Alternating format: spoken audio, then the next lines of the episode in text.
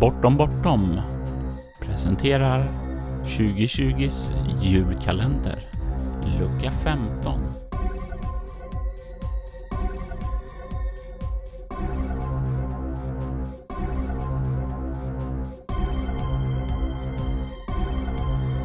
Bakgrundsmusiken i detta avsnitt gjordes av Derek and Brandon Fichter och vignettmusiken gjordes av Robert Jonsson. Hej! Jag heter Mattias Fredriksson och är en av grundarna till Actual Play-podcasten Red Moon Roleplaying. Minnet jag ska dela med mig av kommer från runt 2001. Jag hade börjat spela rollspel på riktigt år 2000 med Drakar och Demoner 6, Kult och tredje upplagan av Dungeons and Dragons som de stora spelen som jag spelade. Då gymnasiet började så förändrades mycket. Gamla kompisgänget splittrades och vårt spelande tog slut.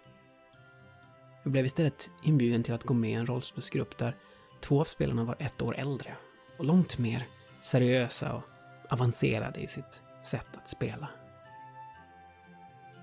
Vi skulle lämna bakom oss det överdrivna action-pang-panget i vår version av Kult som innebar mest att man sprang runt med dubbla Desert Eagles och sköt gangsters. Så det var alltså med viss nervositet som jag gick till det första mötet där vi skulle spela äventyrsspels översättning av Middle Earth Roleplaying, Sagan om ringen. Jag hade valt att bygga en lönnmördare för att eh, visa hur mogen och edgy jag var. Att jag minsann bar på nog mycket mörker för att kunna passa in med de äldre killarna. Min rollperson var en utmärkt bågskytt och mästerlig på att klättra på tak. Och tanken var att han skulle vara Tolkiens svar på en krypskytt. Kanske inte helt i linje med hjältarna från professors berättelser, men klart i linje med vad 16-årige jag tyckte var häftigt.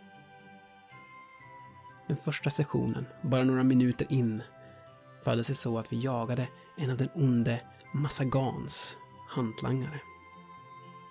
Han och hans män hade kommit ut från ett värdshus.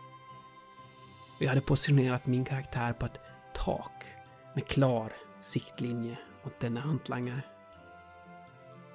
Det här, det var min chans att etablera mig i gruppen.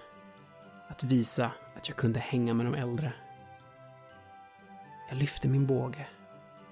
Jag placerade en förgiftad pil på strängen. Och jag avfyrade den mot hantlangaren. Nu fick det bära eller brista. Mitt första tärningsrull med de coola killarna. Jag rullade. Kritisk träff. Dags att rulla på tabellen över allvarliga skador. Jag stod upp, jag kunde inte sitta för detta tärningsrull. 120. Det högsta resultatet.